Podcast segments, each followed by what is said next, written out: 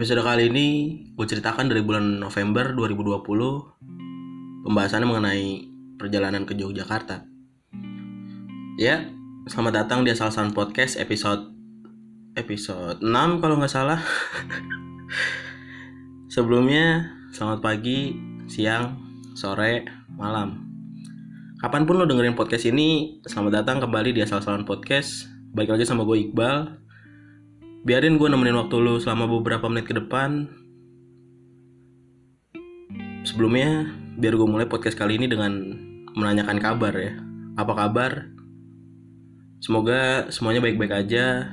Semoga semuanya sehat-sehat aja. Gila gue udah lama banget gak upload episode baru. Ya dikarenakan lagi disibukkan oleh PI alias penulisan ilmiah gitu.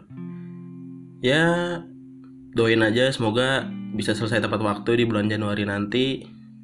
Dan bisa sidang dan bisa lulus nyari kerja dan kaya gitu. Amin. Oh iya. Yang mau dengerin podcast gue kali ini silakan aja. Sambil ngopi ngerokok minum-minum tidur tiduran ya kan? Atau enggak nggak di apa di play doang nih tapi ditinggal gitu juga nggak apa-apa gitu santai aja lah di pembahasan kali ini. Oh iya di sini gue cuma mau cerita aja tentang liburan gue kali ini. Tidak ada pembahasan yang spesifik mengenai Jogja tapi ngalir aja pembahasan gue kali ini. Dan kayaknya sih bakal panjang gitu pembahasannya. Paling nantinya bakal gue bagi jadi dua episode. Kayaknya sih kalau panjang juga itu pun. Gini gini. Gue tuh tipikal orang yang sesekali suka bercerita. Dan lu pernah gak sih kayak pas sekolah dulu nih suka disuruh ceritain tentang liburan selama liburan gitu.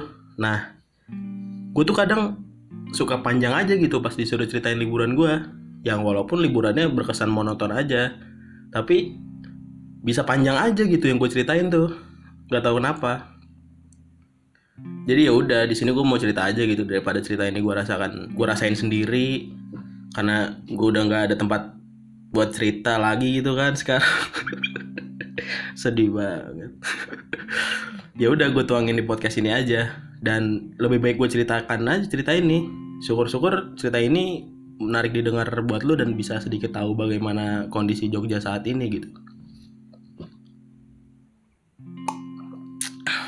Jadi ceritanya beberapa waktu lalu dari tanggal 21 sampai tanggal 24 September gue ada liburan ke Jogja gitulah ya emang udah lama sih ceritanya dan baru sempat gue ceritakan sekarang gitu. Tapi ya daripada nggak gue ceritakan gitu kan dan masih kepikiran ya udah lebih baik cerita ini gue ceritain aja gitu ke ke lu, lu yang dengerin. Syukur syukuran yang dengerin ya. Ya kalaupun nggak ada juga ya udahlah bodo amat. Jadi gue ke Jogja kayak trip gitulah sekedar menenangkan pikiran rehat sejenak dari situasi pandemi yang belum kelar juga dan juga sedikit healing gitu untuk hati dan pikiran gue gue pergi ke Jogja sama ya ditemanin sama oleh empat temen gue dan mereka adalah teman SMA gue gitu. Dan ya karena mereka ini mungkin perjalanan gue jadi sangat amat menyenangkan dan nggak tahu lagi banyak banget cerita yang gue dapat dari sana gitu dan perjalanan gue ke Jogja kali ini akan menjadi sebuah perjalanan yang kayak apa ya hmm, kayak kayak tambal ban gitu loh. Jadi kayak nambal kenangan yang pernah gagal-gagal mulu itu pakai kenangan baru yang lebih asik gitulah niatnya mah. Jadi gue ke Jogja itu udah pernah dua kali dan perjalanan kali ini adalah yang ketiga bagi gue yang pertama itu adalah perjalanan dari sekolah ya udah bisa ditebak lah. Pasti perjalanannya monoton gitu-gitu aja gitu. Mengikuti jadwal yang sudah ada. Tapi karena bareng temen ya pastinya seru-seru aja gitu perjalanannya. Pada saat yang pertama kali gue ke Jogja itu pergi ke beberapa tempat di Jogja seperti Malioboro, Candi Prambanan dan Pantai Parangtritis ya tapi gue bersyukur gitu. Banyak cerita lah dari sana bareng teman-teman gue saat di sana gitu nah yang kedua itu gue bareng keluarga ke Jogjanya satu mobil. Dan seru juga tapi nggak seseru apa yang pertama kali gue ke Jogja gitu. Beda aja vibesnya tuh. Asik. Karena sangat terbatas akses buat menikmati kota Jogjanya itu. Karena bawa mobil kan jadi ya harus ngikut semua gitu. Tapi ada beberapa yang gue datengin pada perjalanan gue kali ini ke Jogja gitu. Yang kedua ini kayak ke Malioboro Malioboro tuh gimana ya? Itu tuh salah satu tempat yang kayaknya kalau ke Jogja tuh harus harus banget ke sono gitu ke sono gitu. Kudu gitu. Kayak ya lu belum ke Jogja kalau nggak Afdol ke Mali nggak ke Malioboro gitu. Sungguh sangat menyenangkan tempat Malioboro ya. Dan selanjutnya gue ke Candi Borobudur terus ke Pantai Parangtritis lagi. Dan selanjutnya perjalanan gue yang ketiga kali ini menurut gue lebih seru dari pertama dan kedua kenapa Ya karena di perjalanan gue kali ini gue bisa menikmati sudut kota Jogja siang dan malam hari hanya dengan mengendari sepeda motor gitu. Bisa datang ke lebih banyak tempat yang sebelumnya belum pernah didatengin di perjalanan gue sebelumnya. Dan tentunya tidak ada batasan waktu dan tekanan dari siapa pun untuk sekedar berleha-leha menikmati tiga hari di Jogja itu gitu. Gini-gini. Jadi sebenarnya perjalanan gue kali itu kali ini tuh ada apa udah direncanain dari tahun lalu gitu. Dari 2019 tapi karena karena kami kami semua ini pada wacana ya kan? Jadinya ya udah rencana ini hanya jadi wacana belaka yang terpampang di grup aja gitu. Kayak ada udah pengumuman gitulah di line tapi ya wacana aja. Dan lagi itu tuh emang gak ngebet banget buat jalan-jalan gitu nggak ngebet-bet buat trip gitu. Jadinya ya nggak jadilah perjalanan ini tahun lalu itu. Dan gak taunya di tahun 2020 ini ya terjadilah pandemi di awal tahun yang yang mana itu bisa menyebabkan nggak bisa melakukan perjalanan ke mana pun gitu. Dan kami juga nggak bisa menyalahkan keadaan seperti saat ini gitu. Dan gue berharap situasi seperti ini saat seperti saat ini bisa cepat berlalu dan bisa hidup kembali normal gitu ya kan? Amin. Dan gue inget puncaknya rasa pengen jalan-jalan itu saat bulan Juli kalau nggak salah. Ya Juli apa Agustus gitu. Jadi di salah satu kesempatan waktu itu gue sama teman-teman gue sempat deep talk lah ngobrol yang lebih dalam lebih intim gitu menceritakan beberapa masalah yang lagi dirasakan gitu.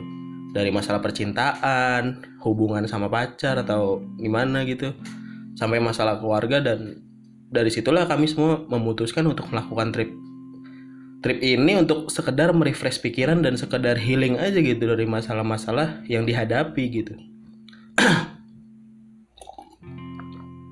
Dan ya udah setiap kali nongkrong pasti selalu membicarakan perihal trip ke Jogja ini gitu ya udah dari situ mulai diomongin lah perihal bagaimana prosedur yang harus gue siapin sebelum berangkat. Dari mulai membicarakan tangga tanggal berangkatnya dan pulangnya gitu. Penginapan di sana transport di sana makan di sana dan juga destinasi wisata mana aja yang mau didatengin gitu. Dan sebenarnya perjalanan kali ini tuh rada-rada ngeri-ngeri sedap gitu ya kan?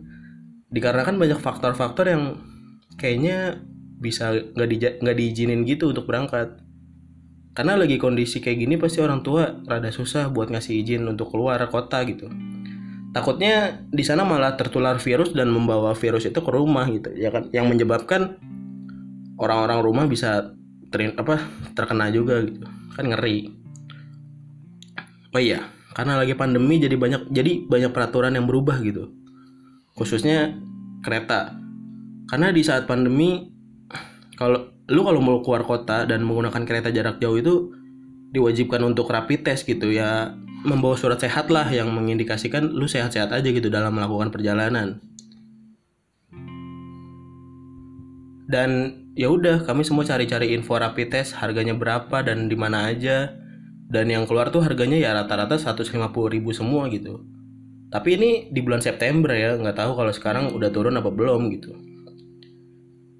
Mau di rumah sakit, klinik itu sama aja. Rata-rata harganya di 150 ribu semua. Dan beruntungnya salah satu temen gue ada yang ngasih tahu kalau PT KAI selaku kereta itulah ngadain rapid test di stasiun dengan harga 85.000 dan ya udah karena ada opsi yang paling murah jadi itu adalah berita baik gitu bagi kami. Jadinya ya udah opsi termurah yang diambil yaitu rapid test di stasiun gitu dan salah satu yang tersedia ada di stasiun Pasar Senen Jakarta. Dan ini benar-benar tiba-tiba gitu. Dan tiba-tiba dua minggu sebelum berangkat Gubernur Jakarta Anies Baswedan ngumumin bahwa Jakarta tarik rem darurat PSBB diperketat lagi gitu. Dan gimana ya? Ya udah akhirnya gue infoin lah ke teman gue gimana ini kalau misalnya dipersulit untuk perjalanan jarak jauhnya jadi di sini tuh gue kayak bertugas sebagai nyari informasi gitu loh yang walaupun nggak ada tugas masing-masing sih ini mah inisiatif aja untuk nyari-nyari berita yang terkini aja gitu oh iya selain berita itu ada satu berita lagi yang bikin makin pusing lagi nih beritanya itu ditemukan pedagang positif virus corona di kawasan Malioboro. Akibatnya beberapa sektor itu ditutup gitu. Ya udah kan, makin-makin tuh kan. ya udah akhirnya kami semua kumpul lah di warkop untuk membicarakan kepastian dan opsi-opsi hal ini gitu. Diskusi, diskusi, akhirnya nemu titik terang gitu. Jadi temen gue Rizal dia ngasih saran untuk rapid testnya langsung besok aja gitu di hari minggunya. Sebelum hari Senin Jakarta PSBB lagi gitu. Kan lagi tuh tanggal berapa ya PSBB misalnya Senin. Nah gue di minggunya tuh udah mulai rapid test gitu. Yang mana niatnya biar masuk Jakarta tuh mudah gitu. Kalau kan kalau dulu kan pas awal-awal PSBB bulan Maret itu lu kalau mau masuk Jakarta tuh harus pakai surat apa sih surat izin masuk gitulah.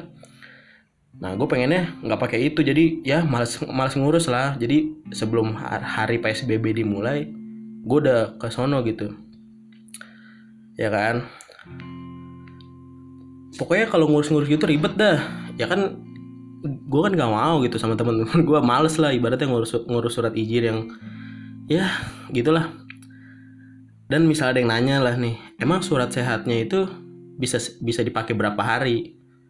Jawabannya 14 hari atau dua minggu gitu. Dari tanggal pas lo dinyatakan non reaktif jadi gue tuh tes seminggu sebelum berangkat dan yang otomatis waktu seminggu masa berlakunya kebuang kebuang sia-sia gitu.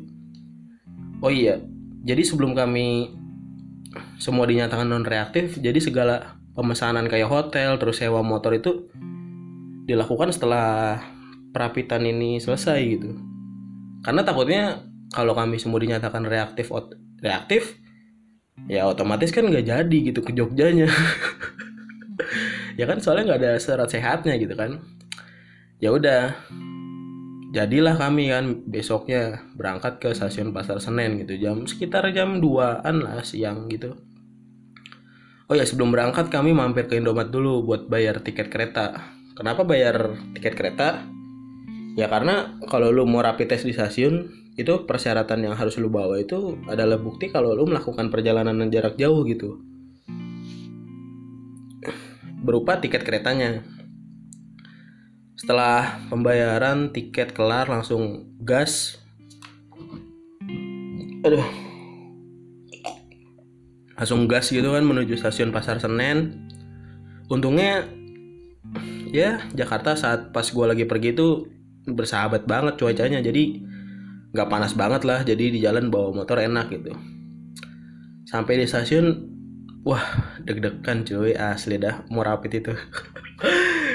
Gue sendiri sih deg-degan banget ya nggak tahu kalau temen gue pada ngerasain hal yang sama apa kagak gitu. Bukan deg-degan mau disuntiknya itu mah biasa aja gitu. Mungkin deg-degan tuh karena takut hasilnya aja gitu. Kan kalau hasilnya dinyatakan reaktif covid bisa-bisa nggak jadi liburan gue ya kan? Yang niatnya mau liburan seneng-seneng malah dinyatakan reaktif kan jadi pusing gitu kan. Berjalan berbarengan sambil deg-degan dan bingung gitu. Deg-degan karena kami nggak tahu di antara kami semua ada yang bakal reaktif nggak hasil ya kan?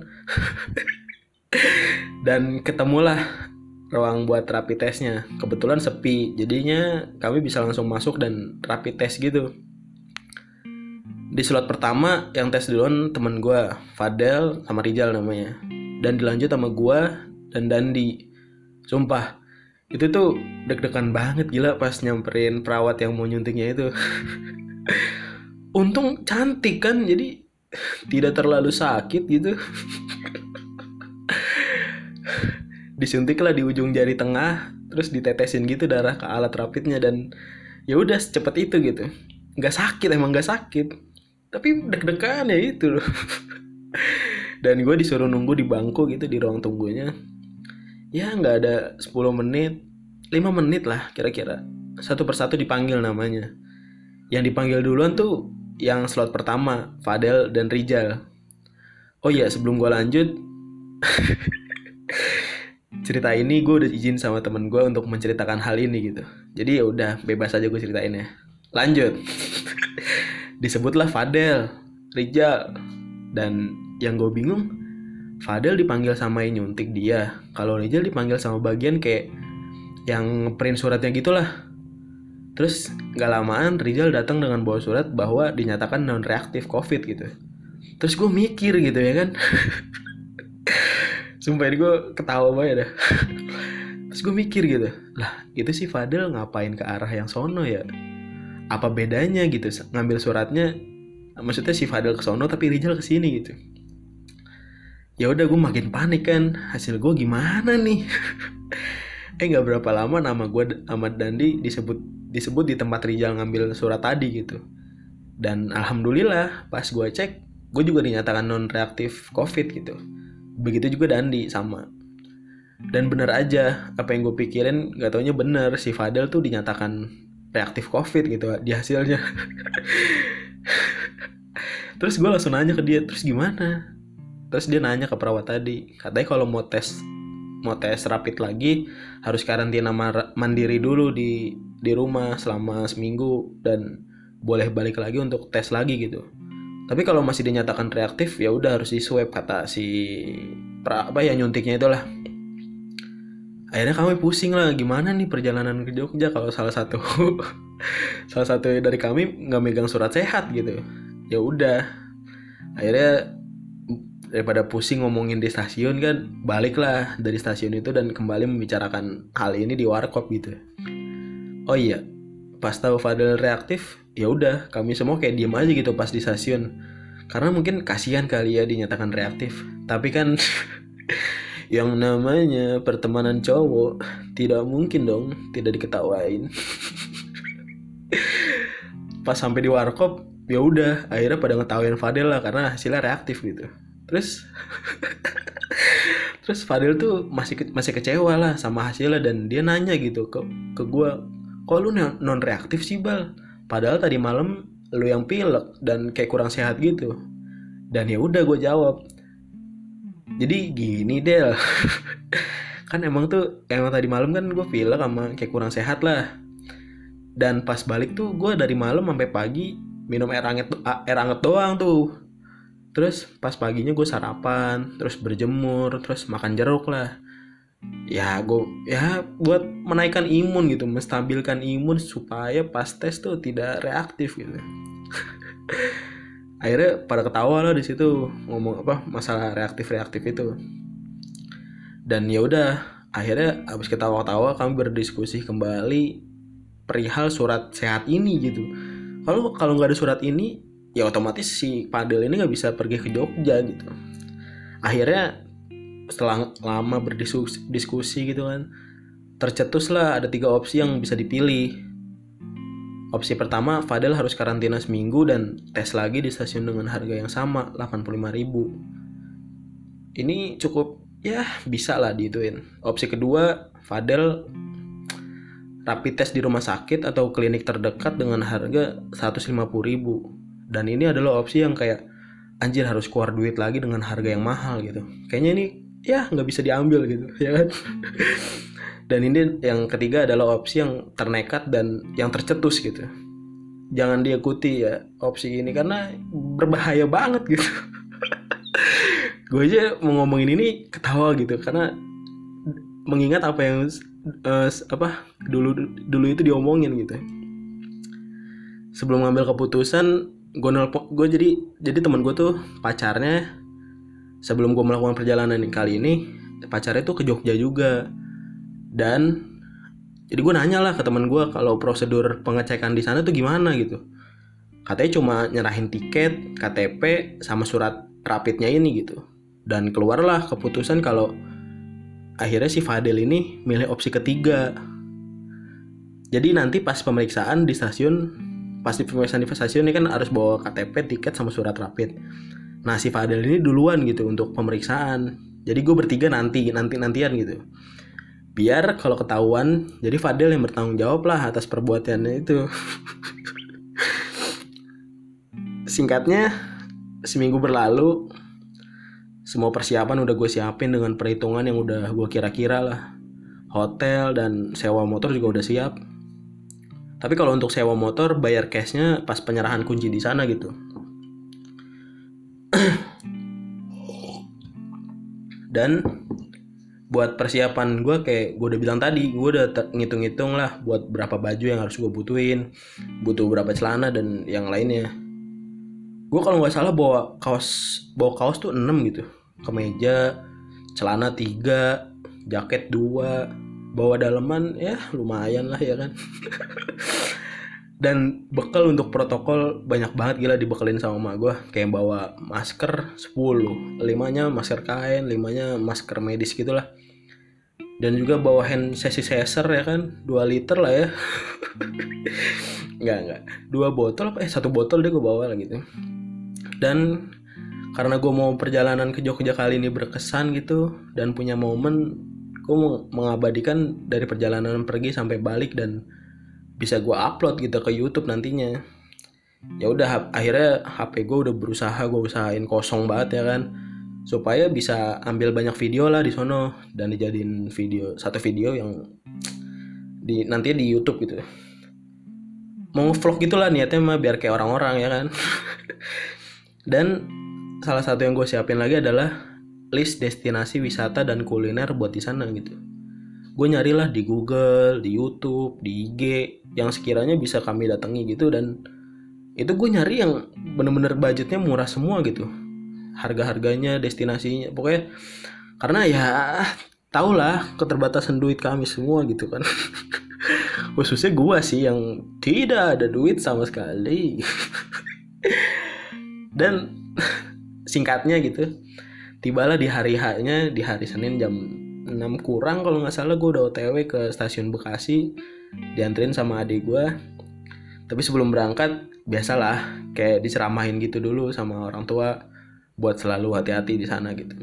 Ya gue sangat mendengarkan ujangan-ujangan yang terjadi pada pagi itu ya kan? Dan berangkatlah gue menuju stasiun Bekasi yang mana Fadel udah di sana gitu.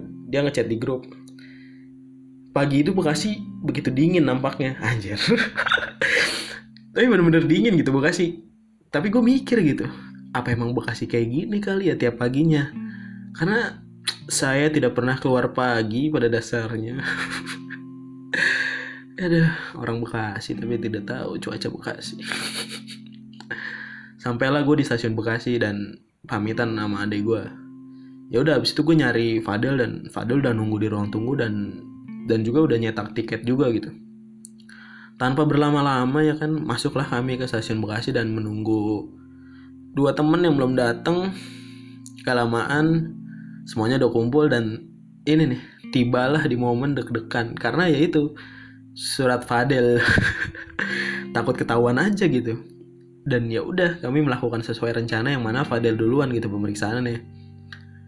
Nggak berapa lama Fadel pun lolos gitu dalam pemeriksaan itu dan ya udah akhirnya kami bertiga pun langsung ke tempat pemeriksaan juga gitu untuk melakukan pemeriksaan. Jam 6.50an lah kalau nggak salah. Iya jam segitulah. Kereta datang tepat waktu. Oh iya FYI gue tuh nggak pernah naik kereta jarak jauh sama sekali gitu. Jadinya ini adalah pengalaman pertama gue buat naik kereta gitu. Dan itu adalah kereta ekonomi yang mana saya udah underestimate lah atas ke akan kenyamanan di dalamnya gitu. Tapi pas gue masuk terus gue duduk di gerbong pertama kalau nggak salah di bangku 21D asik. Dan di situ udah ada dua orang yang udah duluan duduk gitu. Setelah beberes naruh tas di rak apa sih namanya rak apa apa gitu ya? di atas lah pokoknya. Terus gue duduk lah untuk pertama kalinya di kereta jarak jauh itu gitu. Dan surprisingly ternyata nyaman gitu dan nggak seburuk apa yang gue bayangin tentang kereta ekonomi ini gitu. Dan dingin juga sih jadi ya enak lah buat ya 9 jam ke depan.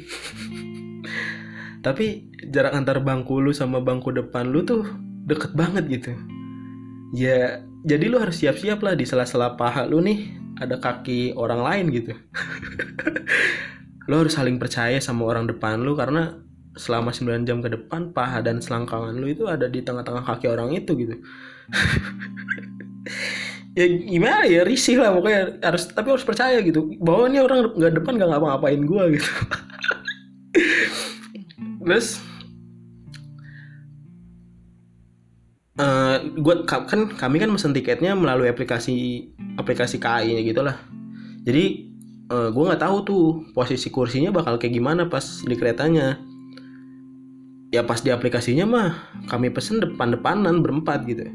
Eh nggak taunya pas di keretanya malah gue sama temen gue belakang belakang belakangan gitu. Kayak The Virgin tau gak sih lo? Tuhan. Waduh suara gue jelek banget lagi anjing anjing. Karena emang bener-bener belakang belakangan gitu jadi kalau lu nyender juga punggung temen lu kerasa gitu ya gitulah Oh iya, satu lagi salah satu protokol kesehatan yang disuruh sama KAI itu adalah menggunakan masker dan face shield gitu selama lu di kereta. Dan itu sungguh annoying banget gila. Kayak apa ya?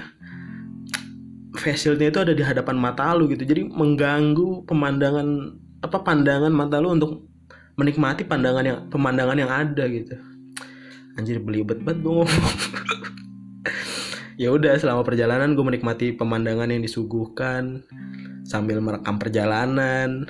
Udah agak lama semakin bosen duduk terus dengerin lagu dan berdiri hanya sekedar meregangkan badan yang pegel yang pegel gitu. Dan keretanya tuh berhenti di berbagai stasiun tapi yang kayak cuma bentaran banget. Dan habis itu jalan lagi gitu. Dan akhirnya berhenti yang lama tuh di dua stasiun kereta kalau nggak salah stasiun Cirebon sama stasiun Purwokerto gitu. Pas di stasiun Purwokerto itu udah jam berapa gitu lupa tapi cuacanya tuh enak gitu nggak panas. Ya mendung-mendung sore gitu lah ya gue abis itu turun kereta lah sekedar ya regangin otot sekalian ngudut gitu terus foto-foto dan gak lamaan kereta jalan lagi gitu. Setelah itu gue udah nggak bisa nahan ngantuk dan pegel akhirnya ya udah dibawa tidur aja gitu ada kali 30 menit tidur nggak taunya udah tinggal beberapa stasiun lagi tiba di stasiun Lempuyangan gitu.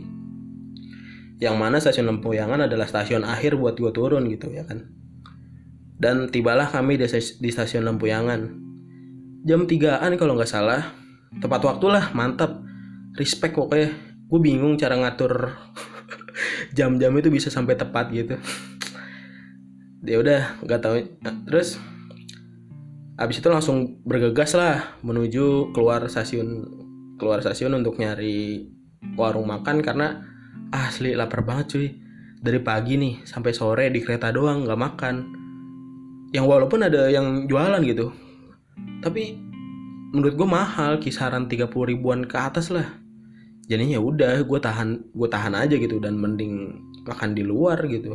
Paling 15 ribu di warung di warung makan gitu kan dari pintu keluar stasiun Lempuyangan tuh sepanjang jalan rental motor semua gitu. Asli banyak banget. Dan untungnya gue sih udah booking dua motor beat gitu.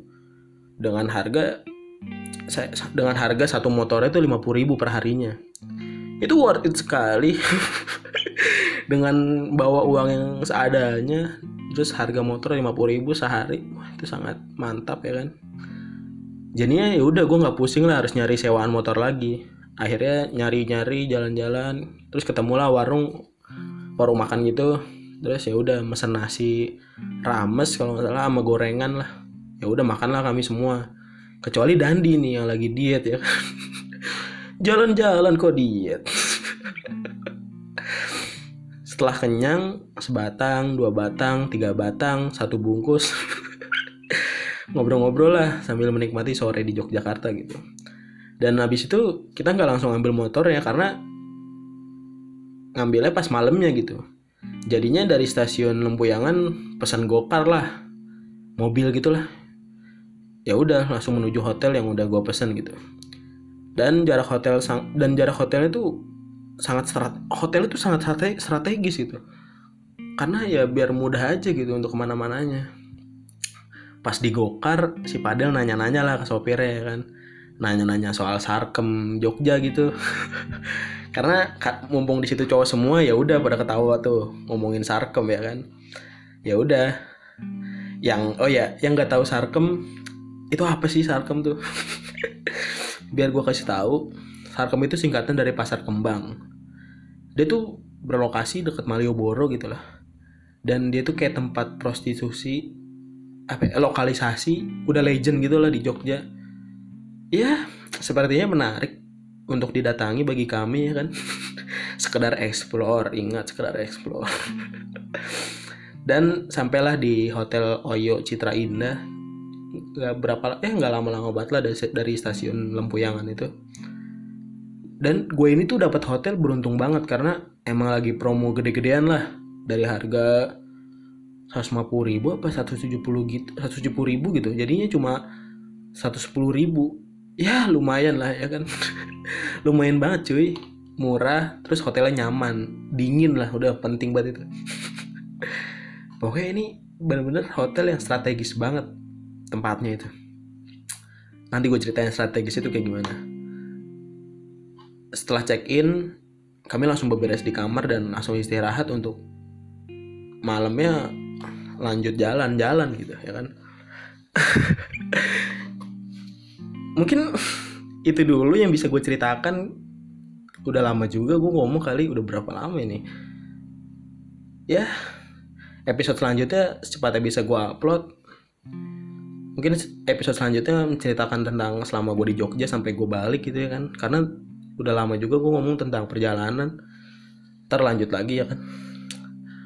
Terima kasih udah dengerin podcast jauh ini. Itu pun juga kalau ada yang denger ya kan itu aja untuk podcast gue kali ini sampai bertemu di podcast selanjutnya itu aja Gue Iqbal. Sekian dan selamat malam.